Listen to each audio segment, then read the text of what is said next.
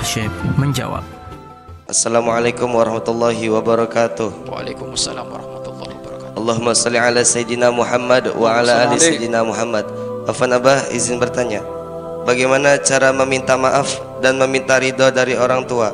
Mohon jawabannya Abah. Syukron. Baik. Ridhonya orang tua sangat perlu kamu gapai karena itu keberkahan hidup. Ridhonya guru kamu, gurumu harus juga kamu raih karena itu keberkahan ilmu. Dua manusia yang mulia ini jangan kau tinggal, ambil ridhonya semuanya.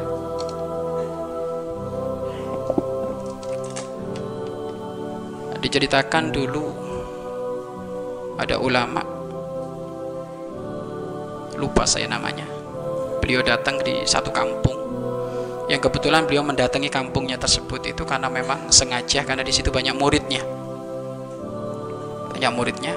Alhamdulillah semuanya muridnya pada menyambut kecuali satu murid. Satu murid tidak menyambut. Satu murid tidak menyambut tidak datanglah di saat gurunya hadir di tempat itu. Tidak ada alasan tidak ada istiqdan apa tiba-tiba nggak datang. Akhirnya ditanya oleh gurunya kenapa fulan bin fulan nggak datang? Kalau nggak salah kiai ibunya sedang sakit.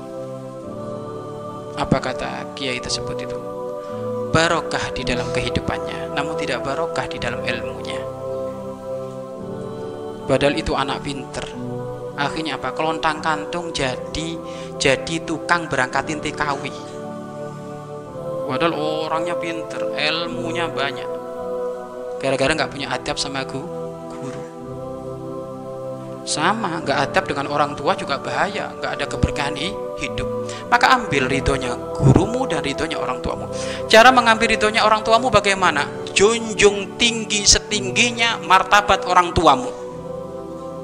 Kalau sudah junjung tinggi martabat orang tuamu otomatis dalam hal apa pun kamu harus rendah di hadapan orang tuamu. Walaupun kamu pangkatnya presiden jenderal tapi di hadapan orang tua kamu harus rendah merendahkan diri. Wahfid janaha. Wafid wafid janaha dhulli minar rah, rahmah ya. Rendahkan sayapmu itu ya maksudnya rendahkan akhlakmu kepada orang tua orang tuamu rendahkan. Maka kalau sudah merendahkan itu apa? Kalau ngomong masya Allah santun lembut marhaba ibu sukron jazakumullah khair terima kasih. Wah sudah tua ribut baik. Wah ini sudah ini oh udah lihat saja tengok aja. Anak yang kurang ajar dengan orang tuanya tengok kehidupannya kayak apa itu. Nyungsep orang kayak gitu nggak dengan orang tuamu yang tawadu merendah diri. Dipaksa oleh orang tuamu nak duduk di atas nak nak duduk di atas. Nggak jangan mau nggak bah umi duduk di bawah saja umi. Enggak enggak apa apa sini sih enggak umi di bawah. Ambil kakinya sambil dipijit. Ya. dipijit artinya apa? Pokoknya di hadapan orang tua kamu merendah. Merendah akhlakmu merendah pangkatmu merendah ilmu terus direndahkan seperti itu. Untuk menggapai ridho orang tua itu nak itu adalah bukan hal yang mudah dijawab dengan jawaban kayak gini. Kenapa? Karena itu zaukiyah. Perasaan yang muaranya kepada praktek. Kalau dijelentrekan kayak gini ya faham. Tapi kadang praktek nggak faham sudah intinya gini untuk menggapai ridho orang tuamu sudah kamu praktek langsung kepada orang tuamu. Makanya wahai para santri kalau kamu ternyata mondok ke tempat ini orang tuamu butuh. Karena orang tuamu sakit ada di rumah, jangan mondok kamu, mondokmu maksiat, pulang sana. nggak boleh. Makanya Abah tidak pernah menahan anak yang dibutuhkan oleh orang tuanya. Orang tuanya nilpun Assalamualaikum nak, Masya Allah. Doain lagi sakit nak, nggak ada yang ngerawat nak. Jika kamu boleh pulang aja dulu nak, pulang Kamu mondok di sini untuk berbakti kepada orang tua kok. Ya jadi seperti itu. Bakti kepada orang tua itu adalah zaukiyah perasaan kepekaan hati. Kalau sudah hatinya peka itu otomatis semuanya nanti akhlaknya baik semuanya nanti. Ya. kalau di dalam Al-Quran disebutkan fala takullahuma uffin. Ya jangan kamu berkata kepada beliau kalimat uf uf itu kemaksiatan yang paling ringan kepada orang tua. Jadi off itu kalau dipanggil no no itu loh hmm, itu aja itu. Itu sudah uff itu. Panggil terus. Nanti ujung-ujungnya suruh beli minyak tanah. Nah itu itu udah nggak benar itu. Ya udah nggak benar kayak gitu itu. Maka ayo yang beradab kepada orang tua khususnya di saat orang tuanya sudah sepuh. Kalau sudah orang tuamu lagi sepuh itu momen bagi dirimu untuk mencari surga dengan kesepuhan beliau itu. Kalau disuruh ngerawat sudah rawat saja. Wes al-Qarani mendapatkan salam dari baginda Nabi Muhammad Wasallam. Bahkan Sayyidina Umar suruh minta doa kepada Wes al-Qarani oleh Rasulullah suruh minta hei Umar kamu kalau ketemu Wes al-Qarani sampaikan salamku wahai Umar dan kamu minta doa kepada Wes al-Qarani ini bagaimana? Was al Qarani itu hidup semasa sezaman dengan Rasulullah, tapi nggak pernah ketemu Rasulullah. Makanya Was al Qarani tidak dikatakan sahabat, karena nggak pernah ketemu dengan Rasulullah. Tapi hidupnya semasa dengan Rasulullah Was al Qarani itu. Ternyata ditanya-tanya oleh Sayyidina Umar, apa yang menjadikan dirimu kok bisa mendapatkan salam dari Rasulullah? Was al Qarani saya nggak punya amalan apa-apa, wahai Umar, gak mungkin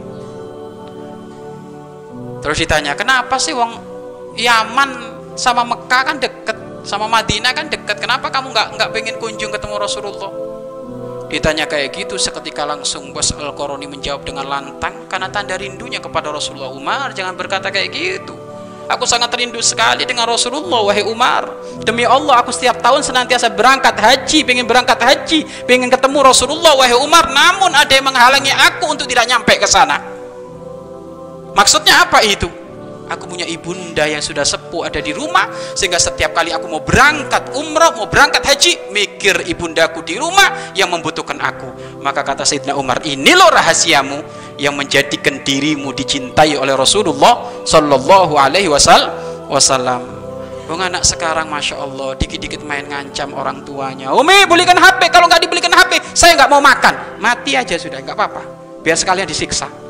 Nggak apa-apa ya kan Umi kalau saya nggak dibelikan motor, nggak dibelikan mobil, nggak dibelikan laptop, saya bunuh diri. Sak bunuh diri aja nak, biar sekalian digecek itu oleh malaikat mungkar nakir. Long anak modelnya kayak gitu coba itu.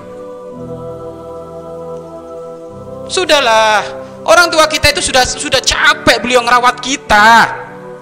Apalagi ibunda kita, masya Allah, capek beliau ngerawat kita. Kok masih diancam-ancam kayak gitu?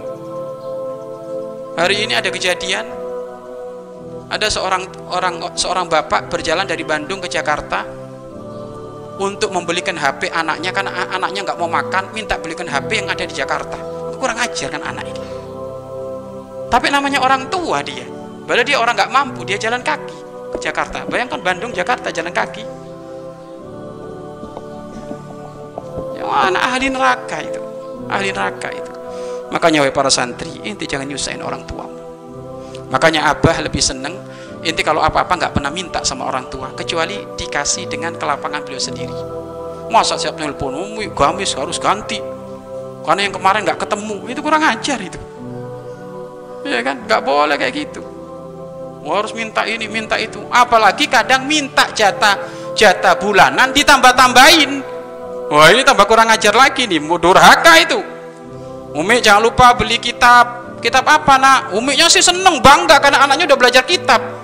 Belajar kitab sama apa apa? Adabul alim wal muta'alim berapa harganya no kalau adabul alim wal muta'alim itu lumayan agak gede katanya. Berapa harga? Padahal harganya 5 ribu. Berapa harganya? 100 ribu. Oh, mau masuk neraka ini?